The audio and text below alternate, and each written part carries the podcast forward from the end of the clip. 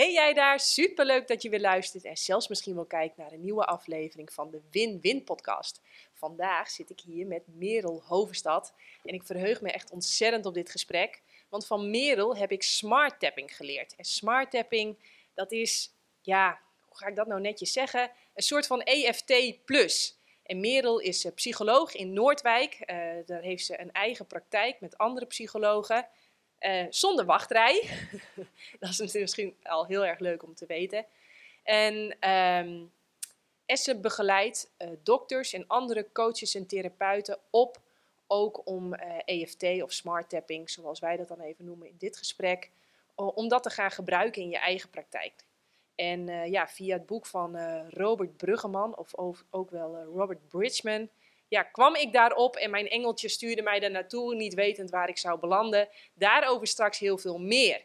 Um, vind je het werk wat ik maak gaaf? Bijvoorbeeld deze podcastshow of de blogs die ik schrijf. Uh, die zijn gratis en die blijven ook gratis. Maar je kunt naar jannekevandermeulen.nl gaan en dan zoeken naar de knop doneren. En zo je energie uh, in geld uh, aan ons geven, zodat we deze show kunnen voortzetten. Yes! Dat gezegd hebbende, welkom Merel. Dankjewel. Yes, heel veel zin in deze podcast. Mega, dankjewel. Ja. Nou, ik, we gaan maar gewoon direct even beginnen bij iets waar wij, uh, denk ik ook op de eerste keer dat we elkaar hebben ontmoet, ook al een soort van clash op hadden. Ik zeg namelijk eigenlijk, de situatie is altijd neutraal. En hoe jij die situatie inkleurt op basis van je verleden, mm -hmm. bepaalt hoe jij op die situatie gaat reageren. Dus uh, we hebben een neutrale situatie. Ja. En met je gedachten bepaal je vervolgens hoe jij je gaat voelen. Ja. Dus het, uh, en toen vertelde ik dat. En toen zeiden jij en ook Bram Bakker, die daar toen ook aanwezig was, nee, nee, nee. Um, story follow state. Ja. Wat betekent dat? Ja, nou, goede vraag. Ja, we kunnen hier denk ik ook sowieso heel lang over praten. Maar wat het eigenlijk betekent is dat de staat van jouw zenuwstelsel Um, dat die uiteindelijk bepalend is voor het verhaaltje in je hoofd die je maakt. Dus dat is vanuit de polyfagaaltheorie. En um, dus hoe jij je innerlijk voelt, dus um, hè, voel jij je relaxed en blij en gelukkig, dan zal je ook uh, gelukkigere en rustigere gedachten hebben over jezelf, de ander en de wereld. Ben jij natuurlijk nerveus en ben je opgefokt en uh, opgejaagd door je baas of door je man of dan ga jij ook negatievere verhaaltjes in je hoofd vertellen. Dus story follow state. Ja. Ah, interessant. Ja. Nou, dat direct even over de theorie. Ja. Zou je het leuk vinden om aan de hand van stappen van vijf jaar ons eens mee te nemen in jouw leven en dan vooral uh, eventjes op het gebied van persoonlijke ontwikkeling. Want ik, ja. jij bent opgeleid als psycholoog. Klopt. Uh, jij merkte van, ja, dat helpt me tot op zekere hoogte. Je ging verder zoeken. Mhm. Mm -hmm. Dus naar die punten ben ik op zoek. Zou je dat... Uh... Ja, zeker. Eigenlijk was het zo dat ik op het VWO, als ik daar even het mag beginnen, dat ik eigenlijk nergens echt goed in was. Dus ik blonk nergens in uit. Dus niet in sport, niet in taal, niet in uh, wiskunde. Maar ik had één ding wat eigenlijk steeds in mijn leven um, ja, steeds duidelijker werd. Dat ik ontzettend nieuwsgierig ben naar mensen. En dat was eigenlijk toen al. Dus toen dacht ik van nou, ik ben eigenlijk nergens echt goed in. Uh, ik blink nergens in uit. Dat zag je ook aan mijn cijfers. En uiteindelijk dacht ik, nou dan ga ik psychologie studeren. Want dat is eigenlijk iets wat me nu al drijft, mensen. Niet wetende dat je gewoon vier jaar lang statistieken krijgt. En dat ik bijna ongeveer daar onder, uh, aan onderdoor ben gegaan op de universiteit. Maar um, ongelooflijk uh, bizar was dat. En uiteindelijk, wat we daar deden, was um, uh, zo ontzettend interessant. Want je leert dan echt over um, um, ja, de mens en, en, de theorieën. Niet wetende wat we nu allemaal weten, dat al die onderzoeken die toen gedaan zijn, hè, uh, dat het ook allemaal wel gefraudeerd werd. En uh, dat, dat, is, dat is natuurlijk eigenlijk nu bizar hoe wij opgeleid zijn. Uh, dat dat nu al, al lang niet meer echt uh, onderbouwd is. Heel veel onderzoeken zijn niet meer onderbouwd. Wow, wacht echt, even hoor. Hier ga ja. ik even op inhaken. Noem eens echt iets wat jullie in de studiebanken non-stop leren, waarvan jij nu weet, ja. volgens mij is dat onzin? Nou, bijvoorbeeld uh, Rutger Brechtman, het boek De meeste mensen deugen. Hè, die heeft eigenlijk nou, heel veel van dat soort onderzoeken onderuit gehaald. En dat maakt wel weer bizar dat die academische wereld natuurlijk niet helemaal sluitend is. Hè? Ja, wacht even. De, Ja. eh, Rutger Bregman, de meeste mensen deugen. Ik heb Ja. dat boek toevallig twee keer gelezen. Ja. Dus ik weet toevallig dat onder andere dat onderzoek met de bewakers Exact. en de, hè, de, dus de gevangenen en de bewakers. Ze zeggen dat als je mensen in een eh, leidinggevende rol geeft, dat ze daar op een gegeven moment in door kunnen slaan Ja. en heel sadistisch kunnen worden. Precies. Klopt dat? Exact. Nou, dat, dat soort sociale experimenten, eh, die blijken dus heel erg ehm, ja, uiteindelijk toch ook vals opgezet eh, eh, te zijn. En ehm, nou, ehm, volgens mij kwamen er ook eh, andere onderzoeken vanuit sociaal, de sociale psychologie kwamen eruit. Wat, eh, Nou, ook- wat ik ook een hele opvallende vond, is dat je kinderen naar school moet sturen en gevangenen in een gevangenis moet eh, zetten. Ja. Want als je kinderen niet naar school zou sturen, dan zouden ze nooit weer wat gaan leren en de hele dag passief op de bank zitten. Terwijl het tegenovergestelde is Ja. waar. Ook de reden waarom wij Duitsers dus niet naar school gaan doen. exact. Want ja. het schoolsysteem blijkt juist alle creativiteit, alle authenticiteit, alle lenigheid en bewegelijkheid in je mind, maar ook in je lichaam, er juist uit te slaan. Ja. Dus het is, en gevangenen blijken een veel minder grote retention rate, noem je dat, eh, terugval te hebben, als je ze heel veel vrijheid en Ja. verantwoordelijkheid geeft. Exact. En er blijkt juist rattengedrag te ontstaan als je mensen gaat opsluiten in een school of in een gevangenis. Dwang, ja, precies. Ja, nou ja, goed, dus, dus uiteindelijk waren die onderzoeken ontzettend interessant. Maar het was wel van, nou, Piet heeft dit onderzocht en dat, dit kwam eruit. Dus het was voor mij wel heel saai en eentonig. Ehm, toen was ook nog niet zo bekend over die neuroplasticiteit. Toen ik afstudeerde, in eh, 2007 heb- ben ben ik afgestudeerd. Dat is nu, nu heel erg populair. Mindfulness kwam toen net een beetje zo om de hoek eh, kijken. Dus mijn stage heb ik daar voor het eerst nou ja, naar zo'n rozijn eh, zitten staren, zeg maar. Hè, van eh ehm John Kabat-Zinn. Dat was die training in mindfulness. Nou, heb ik nooit helemaal begrepen. Dus ik deed meteen met chocola natuurlijk in de, in, in de cliëntgroepen. Dus ik probeerde toen al wel een beetje van, nou ja, hè, hoe, hoe kunnen we het anders doen? Ehm, maar die interesse was eigenlijk wel gegroeid. Toen kreeg ik uiteindelijk een kans om eh, als psycholoog te werken in een sociale werkvoorziening. Ehm, en dan heb ik daar eigenlijk mijn eerste nou ja, ehm, ehm, ja, cliënten begeleid. En dat vond ik echt fantastisch om weer naar, hè, dat, ze- weer naar werk konden. Uiteindelijk was ik ook ambitieus, want ik wilde ook gaan reizen. Dus toen heb ik een wereldreis gemaakt waar ik ongelooflijk veel ja, uit heb gehaald. Ik ben een jaar gaan reizen en eh, ongelooflijk veel landen gezien, vijf continenten en echt nou, van hiken in Patagonië, to- Patagonië tot aan eh, met een walvis zwemmen in Australië. En nou, het was echt ongekend. En toen ben ik uiteindelijk bij de GGZ gaan werken.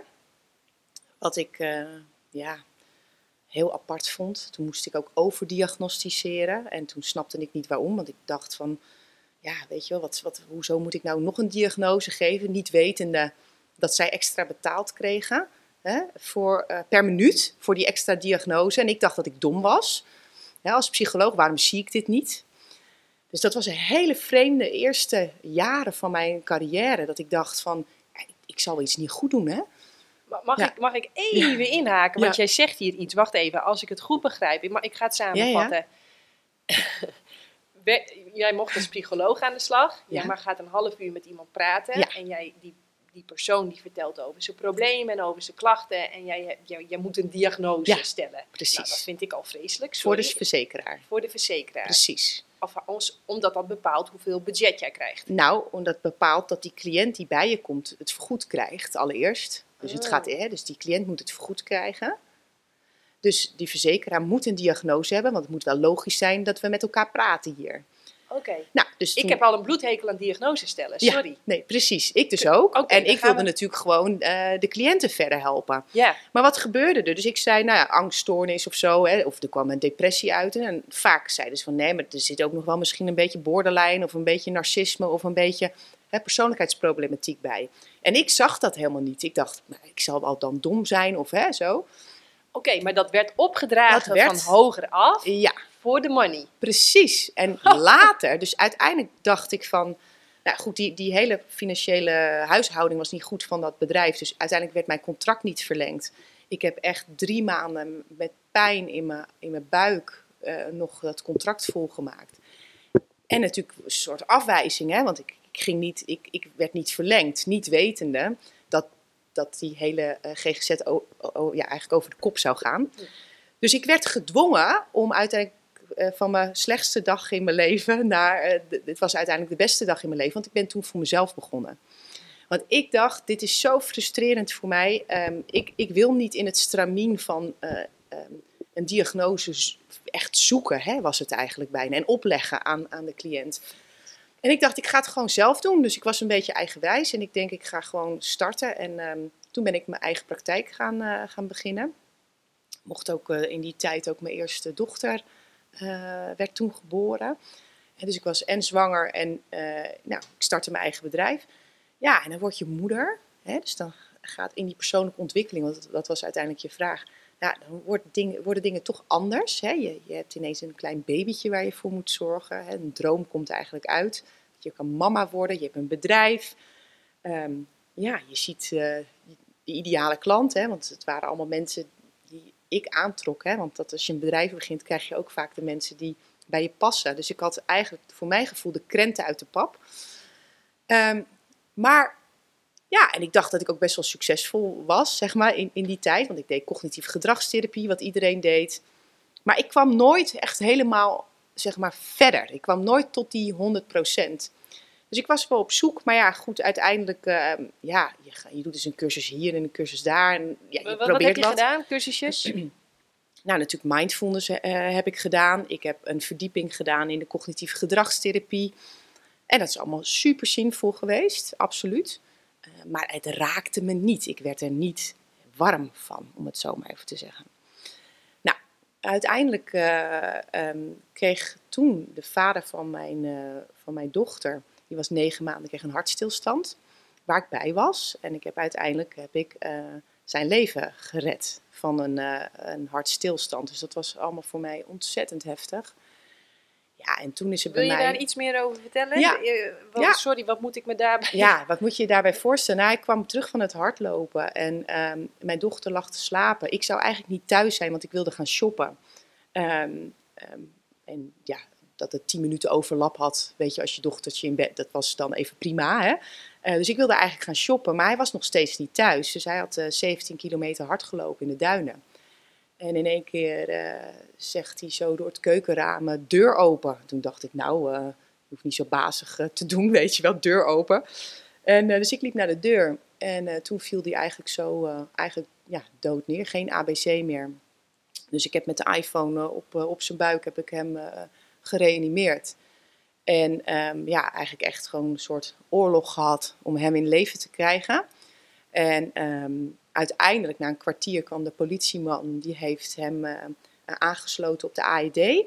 En pas later kwam de ambulance en de traumahelikopter.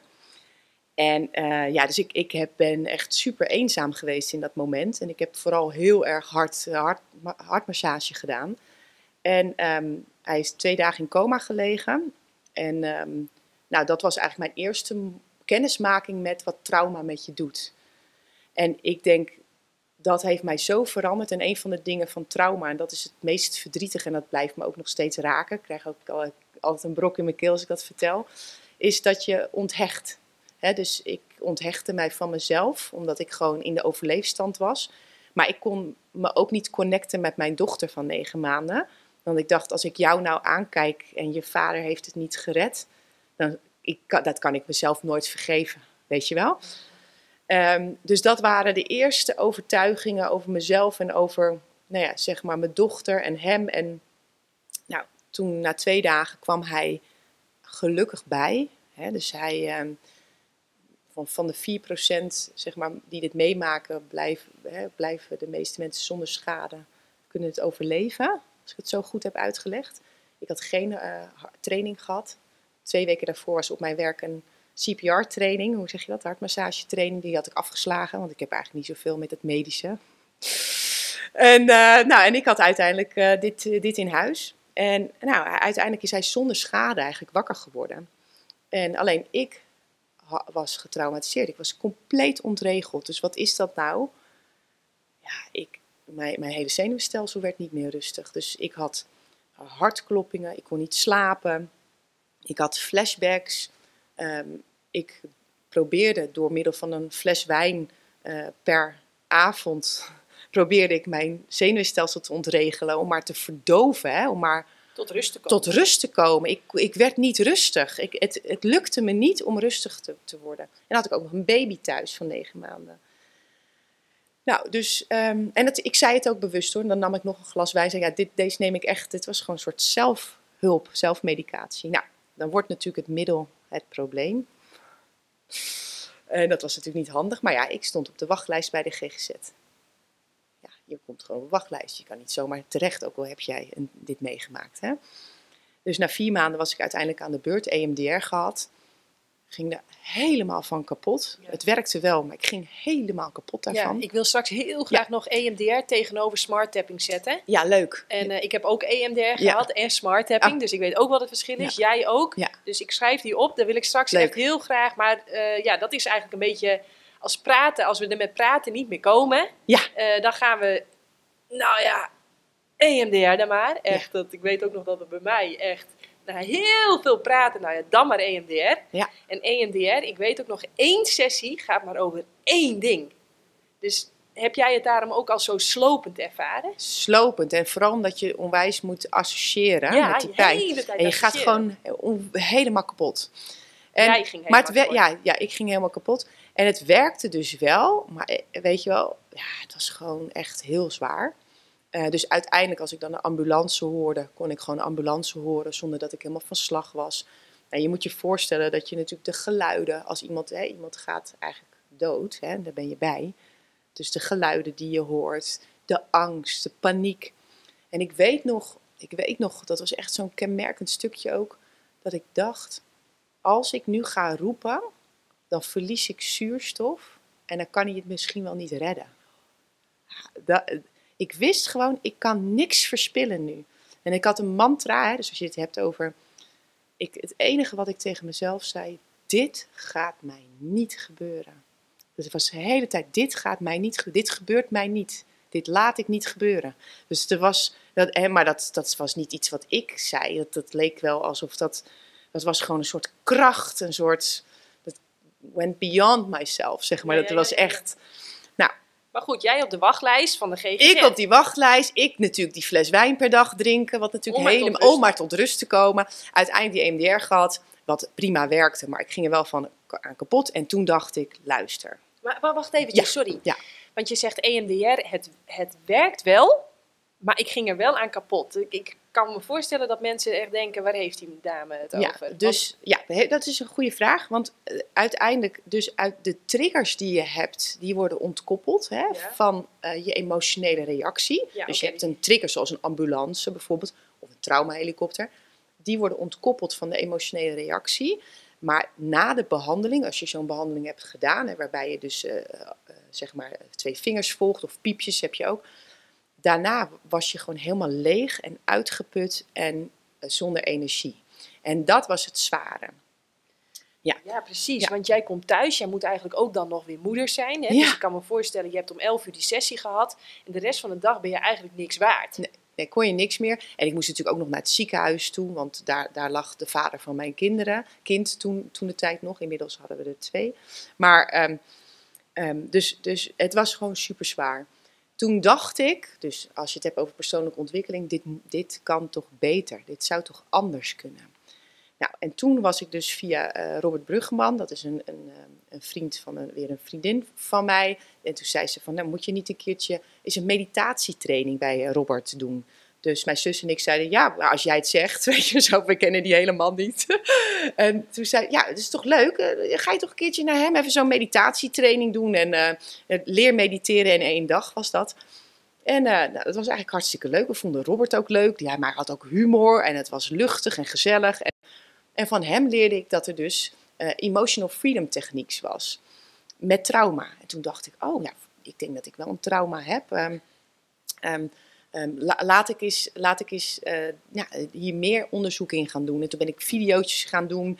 ehm, gaan kijken op internet. En toen Video's gaan video's doen. gaan kijken, weet je wel. En dan het gaan doen, hè. Want tapping is natuurlijk het doen, hè. Dus, dus video's gaan doen en dan kijken van of dit werkt, weet je wel. Op YouTube kan je heel veel vinden.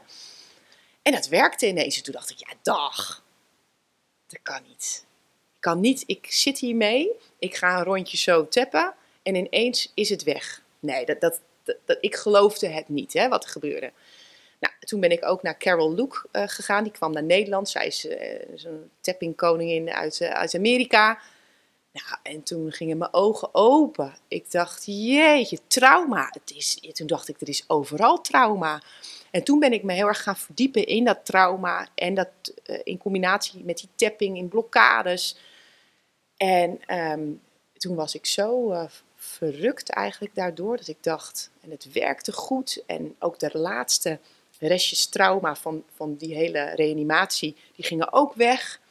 En dus ik was eigenlijk weer vrij. Ik dronk niet meer elke dag. Ik drink nog steeds wel hoor, maar niet, niet meer elke dag.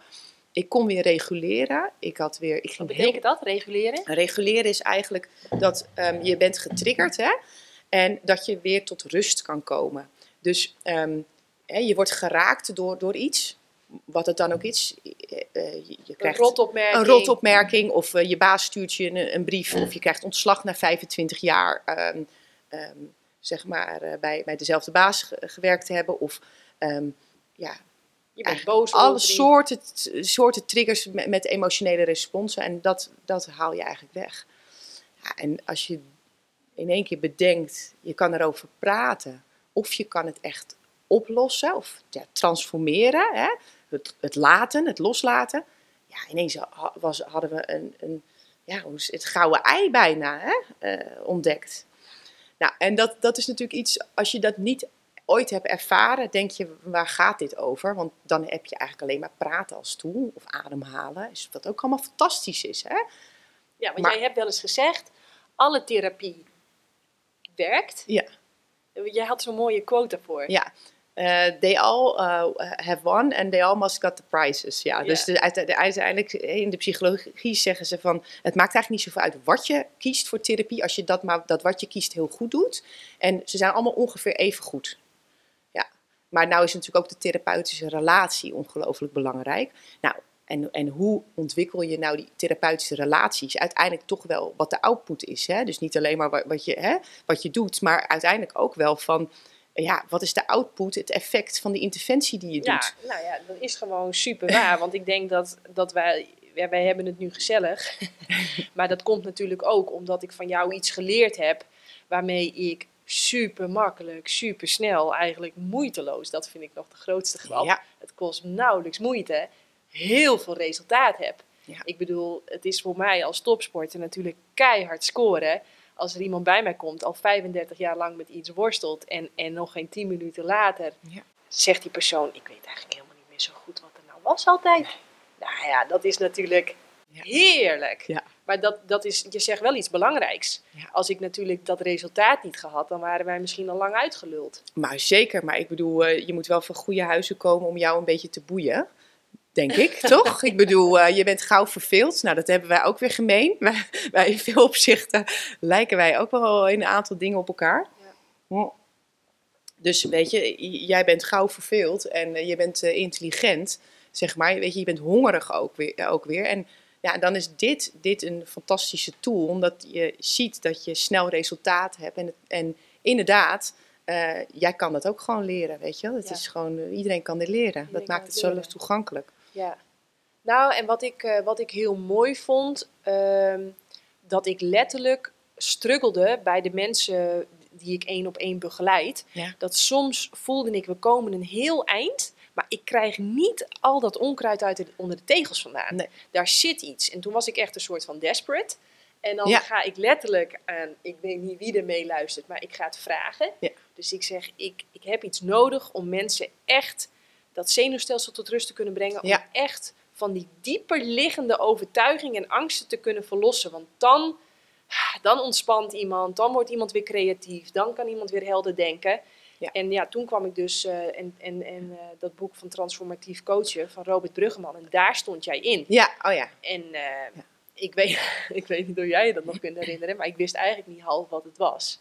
Helemaal niet. Nee. Maar ik zag dat jij een training had. En er zat nogal een prijskaartje bij. Ik denk, nou ja, als je dit voor een training vraagt, dan ben je waarschijnlijk, weet je wel waar je het over hebt. Dus ik heb dat geld gewoon maar overgemaakt. Oh ja. Weet je nog? Ja, jij hebt nog toen zelf de BTW erbij uitgerekend of zo. Dat je zei, nou, ik heb het er maar even uitgerekend. En eh, ja, dat was jij. Oh ja, dat was hilarisch. En ik ben zo blij, hè? Ik ben zo blij, want ik, ik, ik weet dus niet zo goed wie ik moet bedanken. Maar ik heb dan altijd zoiets, dat engeltje, die weet op mijn schouder, die weet heel goed waar ik naartoe moet en wat ik moet leren. En die heeft mij echt gestuurd. Ja. Maar goed, uh, praat ja. eventjes verder over, jij ging naar die dame uit Amerika. Ja. En jij leerde van haar tappen. Ja, precies. En dat was die, die Carol Luke. Nou, zij is best wel een vooraanstaande tap, tapster. en um, ik leerde zoveel van haar ook over trauma. Dat was echt fantastisch. Wat is trauma dan? Nou ja, eigenlijk is trauma, um, een, een, je zou kunnen zeggen, een blokkade in je zenuwstelsel. Hè, um, en een terugkerende ja, reactie op ook neutrale prikkels. Hè? Dus het kunnen gewoon, het hoeft niet altijd uh, iets wat lijkt op het trauma. Maar um, uiteindelijk, uh, als jij uh, bewijs van spreken een auto-ongeluk hebt gehad, dan kan je al een traumareactie hebben op bijvoorbeeld gewoon bij het zien van auto's of bij het zien van een kruispunt. Hè? Dus je, je komt op een gegeven moment in, um, je hebt gezonde neuroceptie en ongezonde neuroceptie. En wat je dus ziet bij, bij, uh, bij trauma, is dat je ook op neutrale prikkels uiteindelijk een traumatische uh, reactie hebt. Echt. Dus echt een, een prikkelende reactie. En dat is onvrijwillig. Dus dat is heel erg belangrijk om, om te weten. Want heel veel mensen praten tegenwoordig over trauma. Hè. Het wordt natuurlijk hier en daar overal op tafel gegooid. Um, en heel veel mensen zeggen, wat een onzin allemaal. Hè? Dus die heb je natuurlijk ook van uh, al die mensen die trauma's hebben. En uh, weet je wel, hup, ga gewoon werken, burn-out, wat een onzin allemaal. Maar uiteindelijk, waar het over gaat, is dat het onvrijwillig is. Net als dat ik die fles wijn dronk.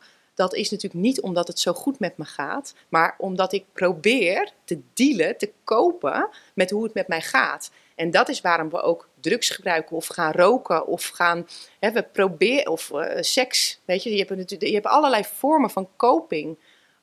Jezelf pijn doen, hè, dat zien we nu ook bij veel jonge meiden die dat nu doen. Uh, dat zien we in onze praktijk. Dat is ontzettend verdrietig.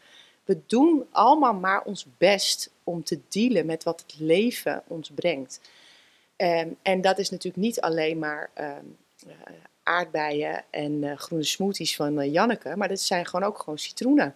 En dan moet je dealen met die citroenen hè, in, in je leven. En, maar trauma, ja? maar ik, ik ga het samenvatten. Als ik het goed hoor, is een trauma eigenlijk een buitenproportionele reactie op eigenlijk een hele normale gebeurtenis. Precies. Dus je, ga, je lichaam, ja. zonder dat jij dat zelf wil, gaat abnormaal veel bloed rondpompen. Ja. Die denkt eigenlijk, het is hier gevaar, ik ben Precies. onveilig, terwijl er helemaal niks aan de hand is. Dat is het? Juist. Dat dus is je, trauma. Ja, dat is, dat is trauma of een blokkade. Dus het is net welk woord je wil gebruiken, want het is allemaal een beetje van hetzelfde. Je hebt trauma's met een kleine t en trauma's met een grote t. Um, maar de reacties zijn hetzelfde. Oké, okay, en trauma, ik ga weer eventjes, ja? trauma met een grote T is uh, ik word verkracht of aangereden of uh, bedreigd. Of, hartstilstand. mijn man krijgt ja, hartstilstand. Precies. en ik moet echt me reanimeren voor mijn leven of voor zijn leven. Ja. En trauma met een kleine T is een bondscoach die de hele tijd tegen je zegt: Nou, ik hoop maar niet dat het tegenwind wordt, want dan krijg jij het wel moeilijk. Dat is, en nou, als je precies. dat dan honderd keer zegt, dan op een gegeven moment denk je: Fuck. Nou, dat wordt dan wel een grote T hoor. Als dit, oh. Want dan is het natuurlijk een, eigenlijk een complex uh, trauma, want dan gaat het natuurlijk de hele tijd door. He, dus Wat is hebt, trauma met een kleine T? Dan? Nou ja, je hebt zeg maar, uh, dan heb, nou, met een kleine T is bijvoorbeeld dat ik tegen jou zeg: Nou, ik, ik hou niet van uh, groene shirts ik noem maar wat. Ja. En je zou daar gevoelig, jij bent er niet gevoelig voor, maar je zou er gevoelig voor zijn. Is dat dus, het gaat over iets kleins, maar het raakt je wel. Hè? Oh. Hè, dus een, een, kleine, kleine blokkades en kleine, uh, hè, dus ik, ja, ik zeg iets lelijks over jou. Maar dan heb je ook, vroeger dachten we vooral heel erg dat, dat, we, zeg maar, dat het shocktrauma moest zijn. Hè? Dus ik vertel nu net een ongeluk, hè? je noemt net ook al een verkrachting, dat zijn de, hele, dat zijn de shocktrauma's. Hè? Dat is best heftig. Maar wat we nu ook weten is dat trauma heel erg gaat niet alleen over wat er was, maar ook over wat er niet was. Dus trauma gaat ook over van, hé, hey, um, ik heb nooit echt een knuffel van mijn vader gehad, bijvoorbeeld. Of mijn moeder, die uh, kon mij nooit liefde geven. Of, um, uh, ik noem maar wat, uh, ik ben opgevoed door mijn opa en, en hij... Um, heeft mij nooit laten kiezen wat we gingen eten of zo.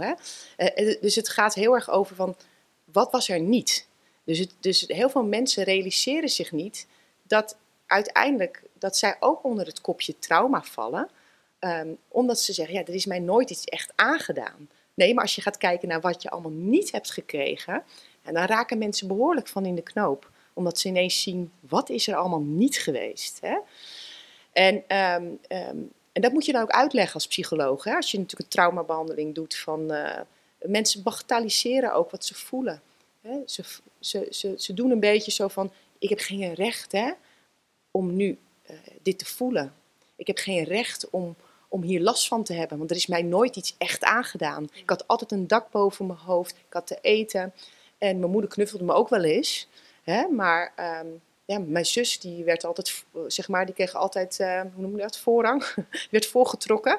Nou, dus wat er was er allemaal niet. Ja, als je als bewijs van spreken, ik noem maar wat, um, um, als kind in een, in een groot gezin nooit eens een keertje een eerste plek kan, kan innemen. Hè? Oh, ja. Of nooit eens. Nou, dat zijn allemaal blokkades tot aan trauma's. Ja. ja. Mooi. En, uh, maar jij merkte eigenlijk dat door de reguliere opleiding die jij hebt gehad tot psycholoog, dat je daar, wordt daar iets geleerd over trauma? Nou, wel wat geleerd natuurlijk, maar ik heb al mijn kennis vanuit de laatste tien jaar gehaald. Ja. In mijn eigen, door, door, want het is nu 2023 en uh, die hartstilstand uh, van de vader van mijn kinderen uh, was in 2013. Dus het is precies dit jaar ook tien jaar geleden. En, ja. en, en dus, mijn, ja, dus mijn ontwikkeling en persoonlijke ontwikkeling hierin, die diepgang is echt nu tien jaar aan de gang. Ja, ja en want jij merkte dat met dat EFT kan ik echt wat met trauma. Precies. Kun je daar nog even, wat ontdekte jij allemaal? Dat het probleem is nooit het probleem. Ja. Ik heb hier letterlijk ja. opgeschreven. En hè, het gaat natuurlijk ook over, um, zeg maar, die hartstilstand was niet het probleem van mijn trauma op dat moment. Hè, dat ontslag die iemand krijgt na 20 jaar, dat is niet het probleem. Het probleem is nooit het probleem waar mensen echt last van hebben, maar hoe jij je probleem ontvangt.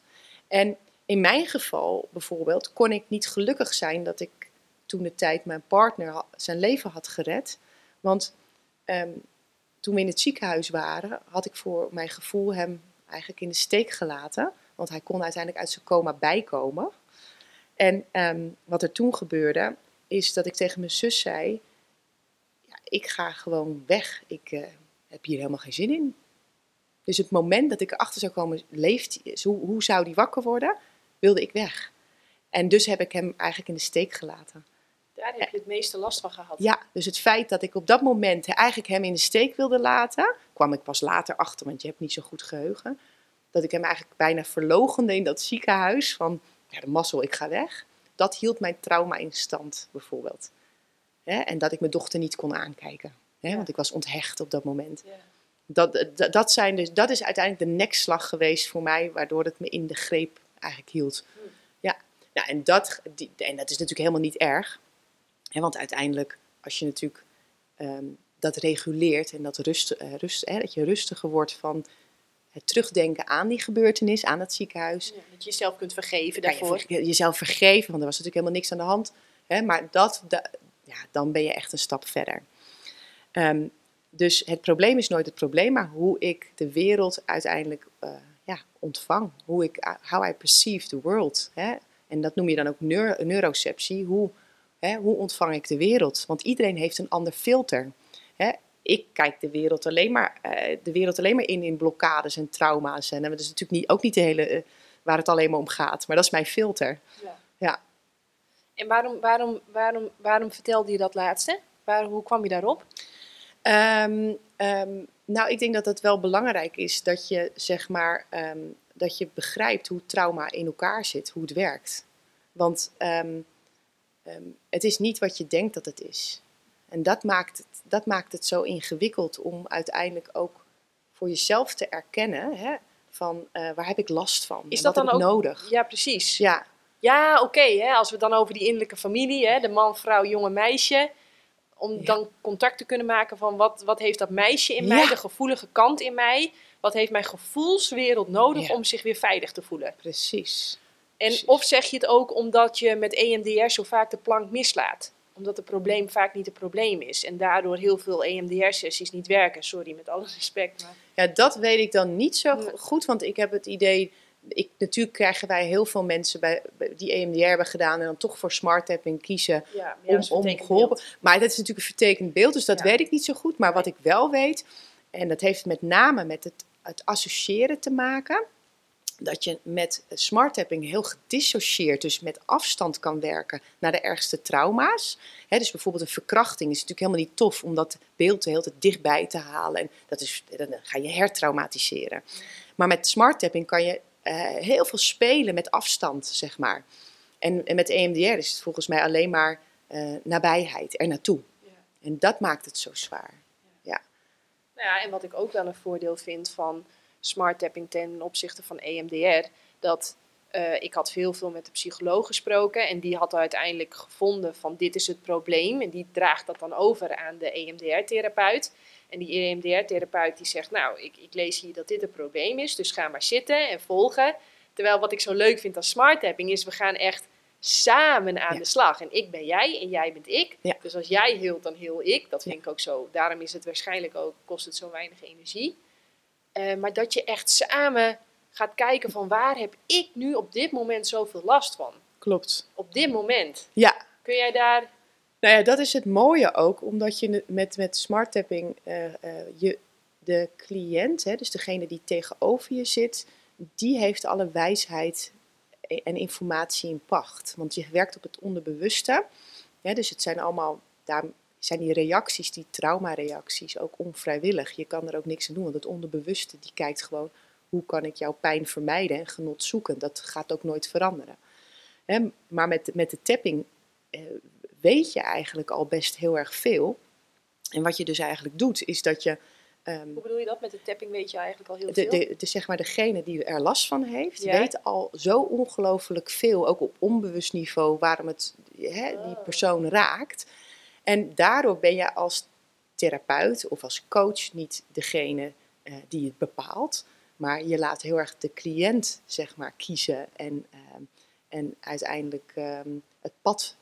Ja, ja, uiteindelijk gaan ze dat pad bewandelen tijdens het tappen. En, en, en de oplossing dient zich aan. Dat is eigenlijk wat er gebeurt. En komt dat dan omdat, die, omdat je als je gaat tappen, je een soort van in hypnose raakt, waardoor dat ego en dat angstbrein even tot rust komen, waardoor dat onderbewuste wat, wat, wat beter doorklinkt? Zeg dat, ik lijkt wel. Het lijkt wel alsof. Of dat- weten we... Ja? ja, nou, dat vind ik dus wel daarop lijken. Het lijkt erop op het moment dat je gaat tappen, dat je eigenlijk in een soort andere wereld komt. De energetische psychologiewereld, zou je kunnen zeggen.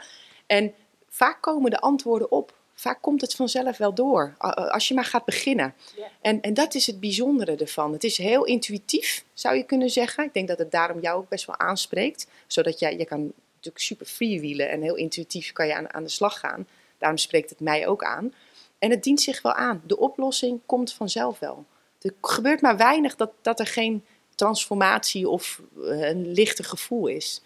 Ja, Ehm, op dit moment is die documentaire van Gabor Maté, eh, die draait volop. Ja. En ook het boek eh, eh, als, het, als het lichaam nee zegt, heet Ja. zijn boek volgens mij. Ja. De grap was, ik was laatst een training geven op Ibiza en toen lag ik daar op het strand. En toen waren ze ook met z'n allen dat boek aan het lezen, dus volgens mij is het hot. Ehm, jij hebt die documentaire ook gekeken. Wat, wat pak jij echt uit zo'n documentaire? Ja, vooral met name de zachtheid van hem. Het begrip en het inleven, de compassie. In, kijk nou eens naar waar iemand vandaan komt. Hè, kijk, kijk eens, waar is iemand geraakt? Dat vind ik dat hij dat zo respectvol en zo liefdevol doet. Hè? Ook met die Cosby, hè? Heb, je die, heb je dat gezien? Met, eh, dat hij die ehm, slachtoffers van Bill Cosby, ken je die nog? Uit, eh, Nou, ik Uit heb, die hem, serie? eh, ik heb hem een keer geciteerd. Oh. Dat eh, hij zegt het recept voor geluk, dat ken ik niet. Maar het recept voor ongeluk, dat ken ik wel. En dat is iedereen proberen tevreden te stellen. Ik kende het verhaal van Bill Cosby niet. Dus ik had hem geciteerd. En toen kreeg ik dus via de achterdeur Ja, een bak shit over me heen. ik. Van weet jij wel wat die maan op zijn kerfstok Ja, heeft zijn staan? Zo zeg je dat toch? Ja, maar goed. Mag je dat Nee, niet nee zeggen? bij, bij incest en misbruik vind ik dat altijd een gekke metafoor. Oh, Ja. excuses. Sorry, nee, Weet jij wel- maakt niet uit. Nou ja, Nee, goed. Je zegt ik- het goed. Jij zegt ik, het goed. Ik wist dat dus allemaal niet. Ik wist dat niet. Dus Nee. ik vond dat wel een mooie quote. Want ik dacht, ja, de... de, de, de Fantastisch. De, de please to this... Nee, de, dat pleasen, dat zie ik ook een soort van als een ziekte eigenlijk. Eh, nee, dat zeg je goed. de Ja. disease to please. eh, Ja. Eh, dus ik vond dat een mooie quote. Maar ja, als je geen televisie eh, kijkt en geen krant leest, dan mis je dus soms dingen. Dus ik miste dit. Maar goed, Ja. heb- we hebben het over dezelfde. We hebben het over dezelfde en Gabor Maté heeft ook daar heel veel in betekend in die slachtoffers van Bill Cosby. En voor mij uit mijn jeugd, want ik, ik keek dus toen tv en dan keek ik vaak naar Bill Cosby en ik vond het fantastisch, die humor en natuurlijk ook... eh, nou, in die tijd was ook het racisme werd vaak ook eh, besproken en dat was allemaal best wel en dat was een tv-show met, met ja, donkere mensen. Dat is natuurlijk was, was echt, ik vond het zo fantastisch in die tijd. En, ehm, maar dat bleek uiteindelijk dat hij echt wel eh, heel erg eh, grensoverschrijdend is geweest. En Cabo Maté helpt de, de actrices die in die serie nou, met hem te maken hebben gehad. En hoe hij dat doet, hoe respectvol hij is en hoe zacht, want dat was je vraag, hè, hoe zacht hij is. En dat hij, wat ik van hem geleerd heb, is, is dat je op het moment dat je zegt, ja, what happened to you? Dat is eigenlijk hoe hij dat ook zegt. En dat is eigenlijk denk ik de samenvatting ook van smart tapping, is dat je gewoon eigenlijk alles in context van trauma en blokkades kan begrijpen. Op het moment dat je snapt, wat heb jij meegemaakt? Waar kom jij vandaan? Wat is je gebeurd? Ja, en, en ja, dat, dat is voor mij echt een mantra, zeg maar, in mijn werk. Ja. Want dat laat zo mooi zien dat, dat, wat, dat die kracht van de situatie, dat die zo enorm sterk is. Ja, En dat wij in rationele toestand eigenlijk helemaal niet kunnen voorspellen of kunnen, ja, kunnen voorspellen hoe we ons in een emotionele toestand zullen gedragen of zullen Klopt. voelen. Eh, Klopt. En dat is eigenlijk het respect wat je, en dat maakt mij heel erg nederig, ook als psycholoog zou ik kunnen zeggen, dat op het moment dat je nieuwsgierig bent en dat je wil weten wat is jou gebeurd en vertel eens hoe reageerde jij, wat voelde je, en dat je, dat je leert in te leven en te begrijpen van, ja, maar zo gek is het nog niet dat je misschien een fles wijn per avond drinkt. Misschien anderen hadden twee flessen wijn gedronken. En in mijn geval ehm, eh, dat ik bijvoorbeeld ook weer na 15 jaar ben, ben gaan roken bijvoorbeeld. Hè, als je wat eh, ergens meemaakt. Ben ook over- overigens weer gestopt eh, door hypno- hypnose, dus no worries. Maar je kan allemaal, we doen allemaal maar eh, kopingsacties om maar te kunnen kijken of we kunnen reguleren. En ja, dat zijn niet altijd de verstandigste keuzes. Maar het begrip hebben voor degene die tegenover je zit, het snappen van hé, maar waar kom jij vandaan? Hè? En je hebt zo hard geprobeerd om je hoofd boven water te houden.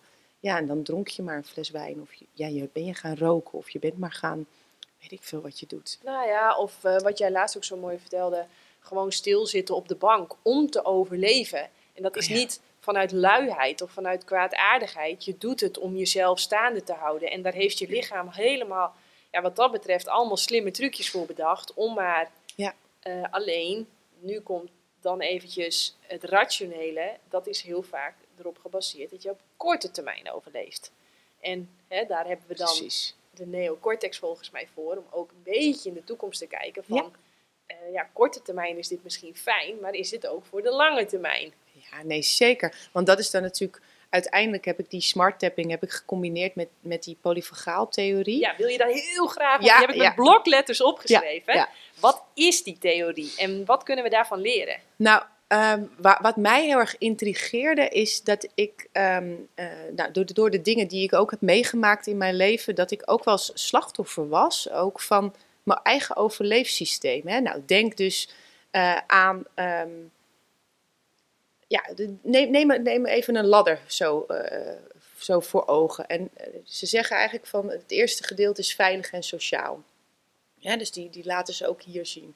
En de polyfagaaltheorie gaat erover dat ehm, het, het zakken, zeg maar, hè, naar beneden gaan in die, in die ladder, in je overleefsysteem. Dus je bent getriggerd, je gaat in je overleefsysteem. Er is een dreiging, hè, trigger, dreiging. Angst, Hè, angst bijvoorbeeld. altijd eh, doodsangst of, uiteindelijk. eh, ja, angst, eh, noem het maar allemaal op.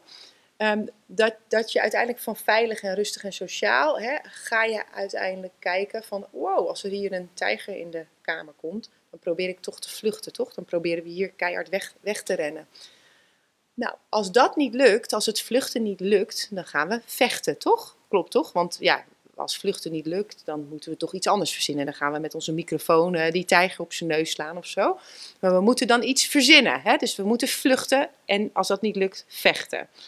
Maar ehm, zien we onze kansen niet zo heel erg uh, gunstig in hè, tegen die tijger, dan, ehm, ja, dan doen we gewoon alsof we dood zijn. We gaan bevriezen. Dus we zijn wel compleet aangezet. Hè? We zijn compleet getriggerd. Dus ons hele zenuwstelsel staat aan. Maar je kan niet voor of achteruit. Nou, en dan hebben we nog een laatste. En dat is de shutdown. En de shutdown is eigenlijk niet een vanuit het sympathisch zenuwstelsel. Deze drie waren vanuit het sympathisch zenuwstelsel. Maar de shutdown is eigenlijk een parasympathisch stelsel, waarbij je eigenlijk compleet ontspannen bent. Maar, uh, de blackout? Um, ja, eh, de blackout, maar eigenlijk ook de, de hypo-arousal. Weet je, van de window of tolerance heb je de hyper-arousal. Um, maar dit is de hypo-arousal. Dus alles, daar ben je helemaal onderprikkeld. Je kan niks meer, je bent compleet, ja, geen cortisol in je lijf. Je bent, Bore-out, ja precies, die zit er ook. Nou, het interessante, we hebben net die ladder, hebben we zo, uh, nou ja, eigenlijk even, je hebt meegeschreven. Um, maar die ladder is sequentieel, dus dat betekent volgordelijk. Nou, um, wat, wat je dus nodig hebt, hè, is dat je als je in die freeze zit, en dat vertelde ik jou natuurlijk laatst, dat ik op een punt kwam in mijn leven dat ik op de bank zat. En dat ik wel uh, mijn sessies deed, maar daarna zat ik op de bank. Ik kon niet voor of achteruit. Ik zat alleen maar met een kop koffie. En ja, ik was compleet gestresseerd, maar ik kon niet voor of achteruit. En um, nou ja, dat dat dus ook een manier eigenlijk is om uiteindelijk te dealen met de vechtmodus waarin je de hele tijd bent. De hele tijd in die actie en de hele tijd gewoon te veel, te lang, te veel actie is er geweest. En op een gegeven moment kom je daarin en dat helpt je dan ook om uiteindelijk het ja, te kunnen over, ja, uiteindelijk te kunnen overleven. Ja. En hoe heb jij die polyvagaaltheorie ge, ge, ge, samengevoegd, zeg maar, met de EFT?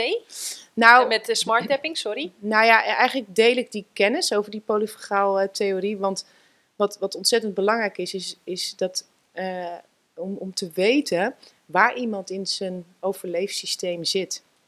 Hè, dus um, op het moment dat iemand binnenkomt en compleet in de vechtmodus is en alleen maar aan het rammen, rammen, rammen is. Nou, wat die moet doen is als eerste uithaken, oftewel vluchten. Want het is sequentieel, dus als je in je vechtmodus zit, vluchten zit daarboven en veilig en sociaal zit daar weer boven. Dus je moet eerst, you have to unhook of the story. Hè? Je moet uithaken om uiteindelijk weer rustig en veilig te worden. En als je natuurlijk je hele, hè, dus je kijkt naar de mens, naar degene die tegenover je staat, waar, waar zit iemand? Ja. Maar ik, ik, uh, ik, zie dat, ik zie die ladder, hè, die heb ik hier zo uh, ja. voor me staan. Ik, ik, het, het, klinkt een beetje stom, maar ik ga hem even voorleggen. En jij mag, uh, ieder moment ja, ja. mag je inhaken. Maar ik kan me helemaal voorstellen dat als jij vanuit veilig sociaal komt en jij wordt getriggerd, dat het best wel verstandig vaak is. En dan zit je nog best wel goed in de wedstrijd. Ik had laatst bijvoorbeeld iemand, dat heb ik jou toen verteld, die ging, uh, die, die passeerde ik op een heel smal pad. En uh, die hond die beet mij bijna in mijn kuit. Dus ik til mijn voet op. Ik ben aan het bellen. Ik ben er verder helemaal niet mee bezig. Maar die vrouw die gaat ongelooflijk uit, uit haar plaat ja. tegen mij dat ik mijn voet optil. Ja. Dan kan ik mij voorstellen, omdat ik vanuit veilig en sociaal kom, ja. dat ik denk, vluchten, dit heeft geen zin. Niet toerekeningsvatbaar, geen energie aan verspillen. Niet, uh, dat, want dat gaat alleen maar schade en ellende opleveren. Dus ik ga vluchten eigenlijk. Ja. Ik loop gewoon door en ik denk... Uh, Tuurlijk. Dat. Maar als je, dat, dat, als je daaronder zakt, inderdaad, dat het een soort van... Ja, hoe, hoe verder je neocortex ja. eigenlijk naar achteren schuift, hoe ja, hoe, Nee, precies. Nou, dat is... Je, oh, eh, je- help me. Ja, nee, precies. Want je vertelt precies het, het mooie stuk. Hè, op het moment dat je die ladder afzakt, hè, dus eerst ben je veilig en sociaal, dan zijn alle drie de breindelen goed beschikbaar. Hè? En dat is, dat is eigenlijk wat er gebeurt. Dus, dus de, de breindelen die communiceren best goed met elkaar op het moment dat je veilig en sociaal bent. Maar op het moment dat je getriggerd raakt, dan ben je letterlijk eh, dommer. Dus de, de hogere breindelen zijn minder beschikbaar. En wat er dus eigenlijk gebeurt, is dat ehm, het relativeren is er niet meer. Ehm, jezelf geruststellen, dat werkt niet. Eh, logisch nadenken is er niet. Nou, en zo verval je eigenlijk eh, in een stukje machteloosheid. Hè? Dus de beperking van het brein op het moment dat je in je overleefsysteem eh, zit. Het gaat heel erg ook weer hierover, kan je reguleren? Hè? Kan je eh, zelfregulatie toepassen? Dus kan ik zelf rustig worden? Weet ik wat ik kan doen om rustig te worden? En je hebt co-regulatie. Dus dat kunnen wij samen, ik ben geërgerd, maar kunnen wij samen ehm, reguleren? Ja, dus co-reguleren. Ja. Dus, dus doordat je dus dan zeg maar die, die nou, je zakt eigenlijk letterlijk die ladder af hè, op het moment dat je getriggerd eh, wordt. Ehm, en in eh nou, koppelstherapie, dus gewoon echt de relatietherapie, daarin moet je dus ook ehm, leren hoe je uiteindelijk in een conflict kan uithaken. Dus je moet van het vechten, hè, dus het aangaan en eh, het halen. overtuigen en, en het gelijk willen halen, moet je op een gegeven moment kunnen zeggen: stop, ho, uithaken, vluchten voor. Voor, hè, dus het uit de weg gaan. Dus je mag dus, waar je normaal problemen moet aanpakken, moet je in een conflict juist eh, eh, even uithaken om uiteindelijk weer rustig en veilig en sociaal te kunnen worden. Om weer die beschikbare breindelen te kunnen gebruiken. Want je bent namelijk, je brein gaat op slot in, in, in traumareacties en in conflicten. Ja. Eh, hoe zit het met de zelfliefde? En dat jij wel geschrokken was van...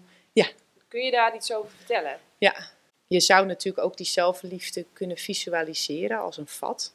Dus stel dat je een vat zou kunnen eh, visualiseren en dat je dan vraagt hoe vol zit jouw vat van zelfwaarde? Of eigenwaarde of zelfliefde. Het, is, zijn allemaal een beetje dezelfde termen voor hetzelfde, denk ik, altijd. En dan vraag ik ook hoe vol zit die? Ehm, hoe vol zit jouw vat? En dan zeggen ze ja 10% of 20% of 30%. En, en dat zijn gewoon echt succesvolle mensen met goede banen, goed sociaal leven. En dat je denkt, jeetje, wat een getallen. En ik ben dit dus blijven vragen. En het is nu ook steeds onderdeel van de therapie en ook de smart tapping trainingen. Dat ik vraag, hoe vol zit jouw vat? En het is gewoon echt schrikbarend laag. Dat is schrikbarend laag. En hoe koppel je dat weer naar die polyfagaaltheorie? Nou, ehm, wat, kijk, uiteindelijk hè, kan je natuurlijk ook zeggen, hoe minder gevuld je vat zit, hoe meer problemen je ervaart. Omdat je natuurlijk, doordat je vat zo leeg zit, je eigenlijk niet zo verbonden bent met jezelf en daardoor dus niet verbonden kan zijn met anderen. En doordat je, doordat je eigenlijk hoopt dat die ander je misschien wel redt of hè, dat die andere misschien wel eh, je handje vasthoudt. Maar als jouw eigen vat te leeg is, kan die ander, dat- die hulp komt helemaal niet aan. Hè? Die kan, ander kan helemaal niet zoveel voor jou doen. Nou ja, en sterker nog, uit een leeg vat kan je niet schenken. Dus als jij op Precies. 30% zit, ja, dan, Ja. Dat, dat, dan, Ja, exact. dat werkt niet. Nee, dus je correspondeert uiteindelijk hè, met je lege vat. En daar komen heel veel conflicten uit. Hè. Dus veel verslavingen komen vanuit een leeg vat. Maar ook obsessies komen daaruit. Hè, dus die verslavingen en obsessies, op het moment dat jij natuurlijk heel erg in balans bent, gevuld vat, je kan weggeven wat overstroomt, dan kan je je voorstellen dat die verslavingen en obsessies veel minder kunnen pakken. Weet je wel? En dat zijn die deuken van het trauma, hè, waar we het over hadden in het begin met Kabel Maté, die deuken die we hebben, hè, dat, hè, eh, door wat we hebben meegemaakt, wat, wat ons is overkomen en hoe wij gevolg hebben, eh, zeg maar, eh, be- betekenis hebben gegeven aan, aan onszelf. Van, oh, ik ben dus minder waard. Of ik ben het niet waard. Of eh, ik verdien het niet. Of eh, iedereen laat mij in de steek. Die conclusies, die trekken natuurlijk, die kernovertuigingen, trekken je vat helemaal leeg. En dan ga je dat geloven. Nou, ik denk niet dat ze... Ja, ze trekken het leeg, absoluut. Maar ze laten ook gaten achter. Maar wat ik ook als een... Wat ook ongelooflijke mm, gaten steekt, zeg maar, in het vat van eigenliefde, is En daar ben ik dan nieuwsgierig naar, want dan, daar, daar heeft trauma dan natuurlijk mee te maken. Juist. Is als het je niet lukt om je gedrag in lijn te houden met wat je echt zelf wil. Ik zie dat ook echt, dat, dat, dat steekt ook heel veel. Ja, dat, is, dat, eh, dat heb ik dan met dat roken natuurlijk. Hè? Dat Ja. ik bijvoorbeeld, eh, ik ben was 15 jaar gestopt en het een en ander gebeurde weer in mijn leven. En ik ben begonnen. Nou, ik kan je vertellen dat ik heel veel zelfhaat heb ontwikkeld. Nou, precies. Ongelooflijk veel Dat zelfhaat. steekt let, maar, maar, maar dat, dat, daar zit dus trauma onder. Ja. Ja. En Klopt. En je probeert natuurlijk je gerust te stellen om de leegte op te vullen. Hè, het is allemaal een manier om de pijn die je hebt, om dat te vervullen. Ja. Hè, dat, is, dat is wa- wat we uiteindelijk proberen. Dat het uiteindelijk het middel het probleem wordt, kijk, dat is dan weer een ander verhaal, dat is ook logisch. Maar het, het trekt je letterlijk je, je vat van eigenwaarde eh leeg. Hè, het is niet congruent aan wie je wil zijn. Dat is Nee. natuurlijk heel pijnlijk. Ja, dat, dat- ja ik, denk, ik denk dus dat dat, dat misschien wel de meeste. Ja. Dat, dat, dat, dat je je vat van zelfliefde gigantisch leeg laat lopen. En dan, dan, dan weet je echt dat je hulp moet gaan zoeken. Want als je bewust bent, hè, want heel veel mensen hebben dus dit niet door, dat zij eh, dingen doen die niet goed zijn. En dit, is, dit gaat over bewustzijn, als je reflecteert over wat je doet. Hè? Ja. Nou, niet, iedereen doet dat natuurlijk. Dat snap je nou niet. ja, Nee. ik denk wel dat iedereen dat zou willen. Maar niet iedereen kan Nee, dat. Omdat dus- de pool of worry is gewoon vol met Ja, ja, brandjes blussen, die hypotheek betalen, de kinderen naar school. Zorgen dat je op tijd op je werk bent en die dag weer doorkomt. ja, en ik verdien dit wijntje toch? Ik heb met de pleuris gewerkt Ja, vandaag, is toch ja. prima? En die, die sigaret, weet je wel. Ja, even Maar- rust en even ontspanning. Hoe vol zit jouw vat dan Ja, ik, van ik- zelfwaarde? Hoe ik, ik denk dat die van mij echt, dat, dat merk ik ook, dat die goed vol zit. Ik zeg ook wel eens voor de grap, toen ik hier nog geen kennis van had, van het liefdesemmertje bij Mitchell zit ook goed vol. En bij mij ook. Het klotst over de randen. En ik kan geven vanuit overvloed. Dat is ook echt waar ik altijd op mik. Hè? Ik wil niet leven, ik wil niet overleven, ik wil niet leven. Nee, ik wil kunnen geven. Ja. En daarvoor heb ik allemaal dingen die ik af moet vinken. Eh, dus dat is vroeg op bed, eh, consequent aan mijn eigen plan houden. Eh, nou ja, eten is bijvoorbeeld voor mij ook belangrijk. Ik kan wel even een paar dagen slecht eten, maar dan merk ik al dat die batterij minder goed oplaadt. Dus ja, dan, dan ga ik toch weer terug naar die groene smoothie. En dan, bijvoorbeeld, hè, dat is Ja, een ja. ding. Ja. Ehm, nou ja, dus goed eten, goed slapen. Eh, Maar doen- hoeveel doen- procent vol zit die dan voor jou? Ja, ik, ik mag geen 110 zeggen, maar dat is wel wat ik, zo, wat ik Ja. voelde. Precies. Ja, Maar waarom mag dat niet? Ik vind het prima hoor. Is toch het niet leuk? bestaat. Nee, maar het is toch leuk als je dat zo voelt? Dat is toch fantastisch? Ja, ja, ja. En, maar ik ben daar ook constant op aan het mikken. Hè. Dat is ook wat ik graag wil. Ehm, als ik bij jou kom, omdat ik voel dat die naar 95% gaat, dan, dan schakel ik al in. Ja. Dan denk ik, nee, daar hebben we geen ruimte voor. Ja, dus je monitort, hè? Mo- Non-stop. Ja, precies. Nee, dus dat is denk ik heel erg belangrijk. Je monitort. Het is belangrijk dat je leeft vanuit hè, je, je plan. Hè? Dus vanuit Ja. je eigen... Van, van- hè, je weet wat je wil, omdat je weet wie je bent. Ja. Maar dat weten wie je bent, hè, dat is natuurlijk ook Mhm. ontzettend mooi. Maar kijk, dat op het moment dat jouw vat heel erg leeg is... is het ook lastig om te voelen wie je bent. En daarom komen verslavingen en obsessies ineens om de hoek kijken. Ja. En dat maakt, dus dat is eigenlijk bijna wat is een kip of het ei. Nou, dat snap, je snapt waar ik naartoe ga. Ja, ja. En dat maakt het zo ongelooflijk ingewikkeld. Want de oplossingen zijn natuurlijk, ja, heel veel oplossingen zijn natuurlijk open deuren in de psychologie. Ja, hè? ja, ja, maar dat Laten zeg ik ook heel vaak. Het is niet dat we het niet weten. Nee, Het is ook niet dat het gebrek is aan kennis. Nee. Het is ook niet dat we niet weten wat wel goed voor ons zou zijn. precies. En, en daarom, eh, ik denk ook dat daarom dat van Gabo Maté ons misschien zo raakt, is dat hij heeft echt compassie. Zo van, wow, die kracht van de situatie, hè, die is zo bizar. Ja. En die onvrijwilligheid waar jij ook altijd zo op aangaat van... Blijf mild en, en zacht voor die ander. Want het is niet dat die persoon het leuk vindt om te roken. Of leuk vindt om te suipen. Of leuk vindt om Nee. niet te sporten en maar op de bank te zitten en of dik te zijn of, of eh, geen energie te kunnen hebben Nee. om te werken. Dat is niet eh, vanuit kwaadaardigheid. Nee, precies. Nee, en dat, en dat is precies wat het is. Het gaat echt over ehm, eh, het begrijpen dat als dat vat heel erg leeg is, dat je dan gaat onderzoeken, misschien ook voor de kijkers, hè, van goh, hoe vol zit mijn vat? Hè? Zit ik op 30% of 70% of 80%? En wat moet er eigenlijk veranderen om, om die overvloed zoals Janneke dat heeft te kunnen bereiken? Dat zijn natuurlijk vragen die je jezelf kan stellen. Want daar zit ook meteen het antwoord voor jezelf. Ja. Ja. Hey, wij hadden het over eh, vluchten, vechten, bevriezen. Maar ik weet dat jij eh, er vaak nog twee F'en aan toevoegt. Eh, dat is fuck en faun. Ja. Faun. ja. Ik, Ja, eh, food en fuck zitten natuurlijk ook in het overleven. Maar van, van is, is, is Ja, die wil ik Ja. graag op inzoomen. Want dat is pleasen. ja, En jij, hebt, jij weet dat dat niet een... Hè, dat, dat hoort niet bij vechten en vluchten en bevriezen. Maar je, je neemt het soms wel even mee. Kun je daar wat meer over vertellen? Dus het is eh, voor, eh, even voor de spelling, het is eh, F-A-W-N. Ja. En ehm, ehm, het gaat erover dat we geleerd hebben doordat we in conflictueuze ja, omgevingen hebben geleefd. Een, een- een moeder die niet luisterde of een vader die controlerend was. Of hè, wat we dan gaan doen hè, om het goed te hebben hier nu, gaan we eigenlijk schikken. We gaan pleasen. En dat noemen we de fawn. En dat is eigenlijk een, eerder een kopingsmechanisme, maar het, het past zo lekker in dit rijtje ook thuis. Een kopingsmechanisme voor conflicten en wrijvingen. Hè, dat we gaan pleasen, people pleasen. En ehm, het goed willen doen voor anderen. Want als, het goed, als, als ik het goed doe voor jou, dan heb ik ook eigenwaarde. Maar dat gaat natuurlijk niet werken op de lange termijn. Want dat betekent dus dat ik afhankelijk ben van mijn eigen waarde hè, door middel van jou. Hè, terwijl ik natuurlijk uiteindelijk moet ik natuurlijk het zelf me kunnen, mezelf kunnen geven.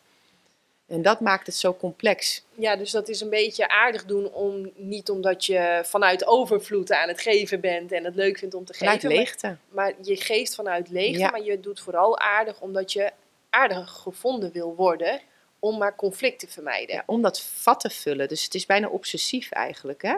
Het is natuurlijk, dat vat is leeg. Dus wat ga ik doen als ik niet weet wie ik ben? Dan doe ik maar iets wat jij leuk vindt. Dus dan ga ik ook groene smoothies drinken. Want dan heb ik nog een beetje eigenwaarde. Dan haak ik op jou aan. En jij wordt toch heel erg blij als je jouw kennis hè, eh, kan delen.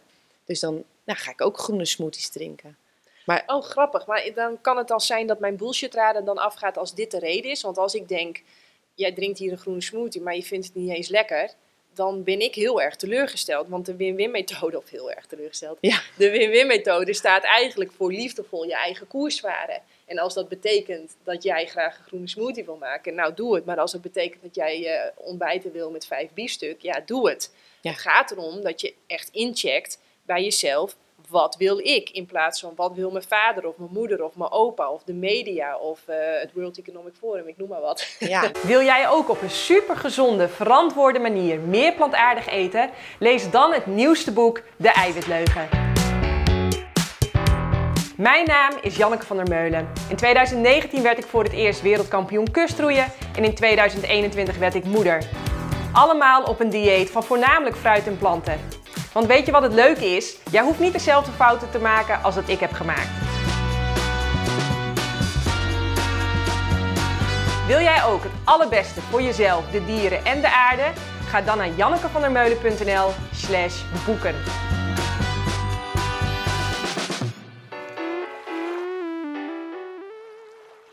Wat zijn nou dingen, stel je voor, iemand zegt tegen jou 30%. Holy, eh, hè, dat is Ja, al eh, best wel.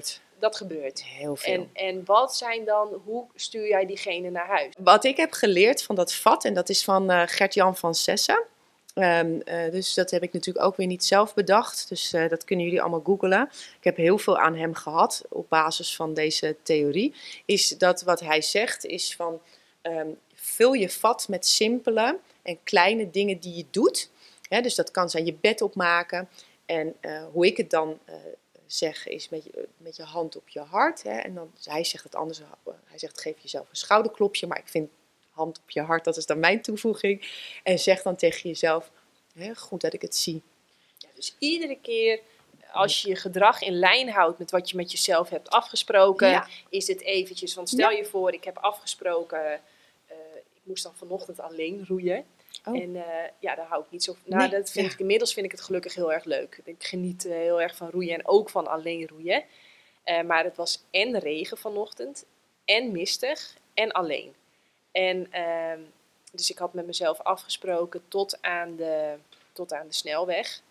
En eh, als ik dat dan geflikt heb, en ik heb dat gewoon alleen door de regen en door de mist helemaal alleen gedaan, ja, dan zit ik echt lekker bezig, Janneke. Is dat eventjes... eh, Ja, nou dit is dan een hele grote prestatie. Oké, Dus hè, dat, zo is natuurlijk hoe jij denkt. Hè. Dat is jou, jij kan hele grote prestaties neerzetten.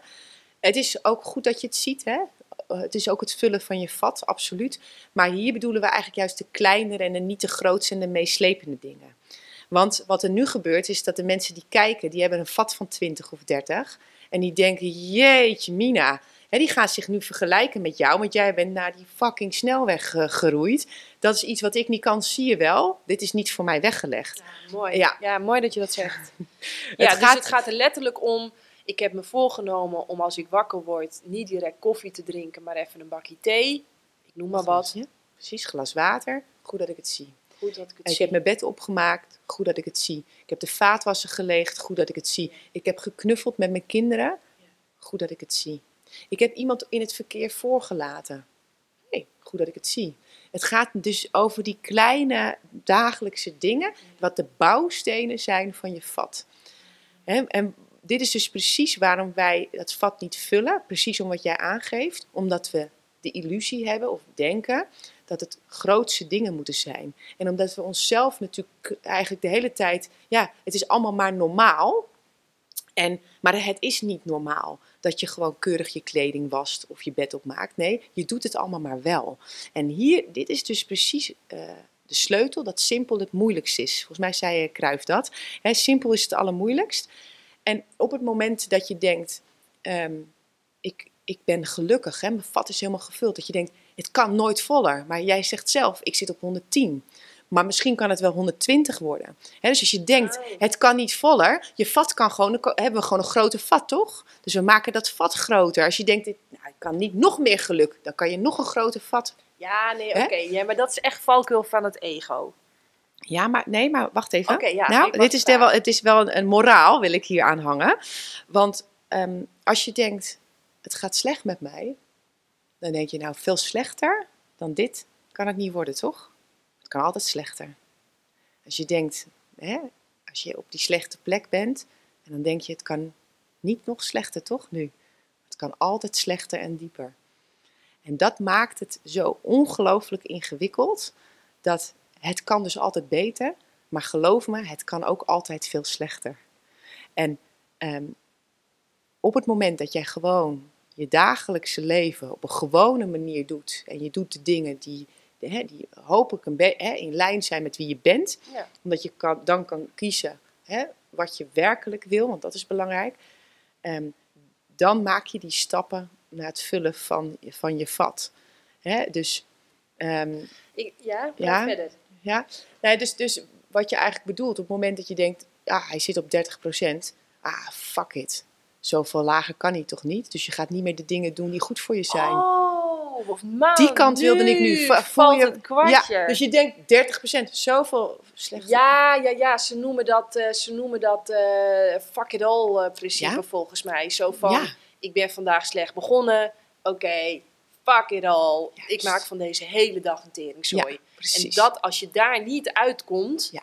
dan, ja, dan daar zijn genoeg verhalen van natuurlijk. Exact. Oh, precies, mooi. daar ging ik dus naartoe. Oké, maar dit is gewoon de zwart-wit mindset.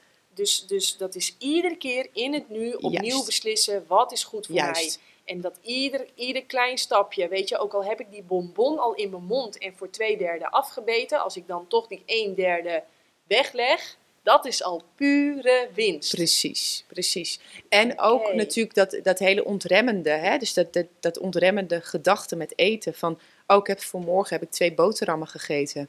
Het maakt vandaag toch al niet meer uit, hè? Want ja, ik heb nu al mijn koolhydraten en nou, dan kan ik wel vanmiddag ook pizza eten, toch, voor de lunch. Dan denk je, ja, kan, het, erger dan dit kan het toch niet? Ik ben begonnen met brood, daarna met pizza. Nou, maar op zich kan je je avondeten kan je nog steeds gewoon weer bijsturen. Maar we zijn zo ontremmend en we zijn zo leeg doordat we niet doen wat congruent is bij wat we willen. Hè? Dus dan maakt het avondeten ook niet meer uit. En dan kunnen we ook wel Ben Jerry's laten bezorgen door thuisbezorgd. Ah, oké, dus ik probeer je punt te Ja. vatten.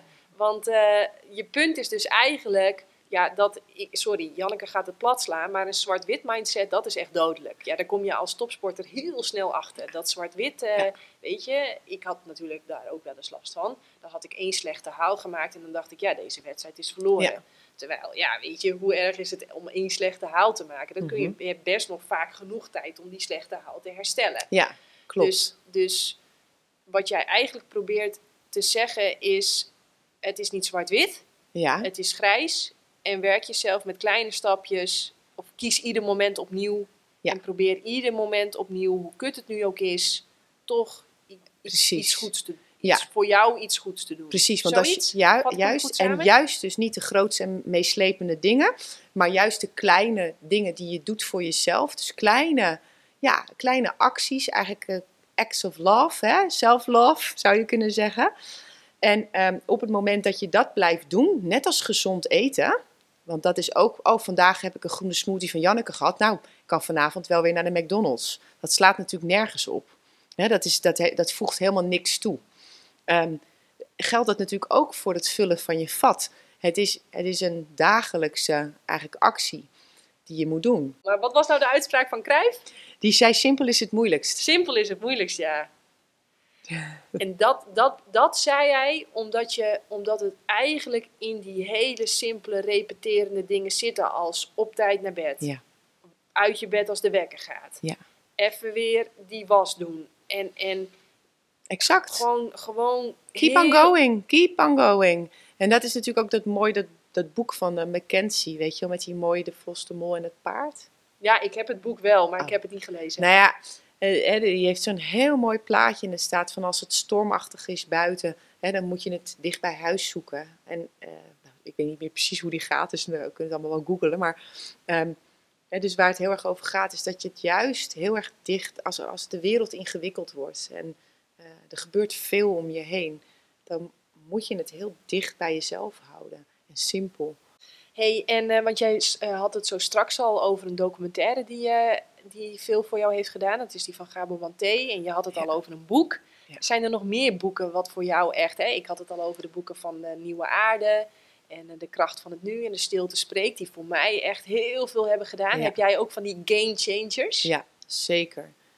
Ehm, wat ik heel erg bijzonder boek vond is van Bruce Lipton, The Biology of Belief. Ja. Dat, dat dus niet je genen het bepalen, maar de omgeving van je genen. Daar heb ik dat boek, daar heb ik echt een paar keer moeten lezen om dat ook echt te snappen. Van wat vertelt hij hier nou eigenlijk? En dus die is, heeft wel echt heel veel, ehm, heel veel gebracht. Ehm, ja, en daarnaast, wat, mij, wat ik nog steeds ongelooflijk bijzonder vind, is dat ik ehm, ook, dat was ook een beetje een moeilijke tijd, maar dat ik de Touch of Matrix, hè, van, ehm, dat heb ik dan niet gelezen, maar dat heb ik dan ondergaan. Hij heeft ook een boek hoor, eh Gunter de Jong. Ehm, en ehm, ja, wat, wat ontzettend mooi daarvan was, is dat het ook, ook weer heel erg energetisch is. Dus het gaat heel erg over van, ja, als je goed uitzendt wat je wilt, dan kan je eigenlijk alles bestellen. Nou, dat klinkt natuurlijk een beetje heel vreemd, maar Klinkt als eh, de wet van aantrekkingskracht. ja, en dat je heel erg focust op wat je wil en kan loslaten wat je blokkeert en niet wil.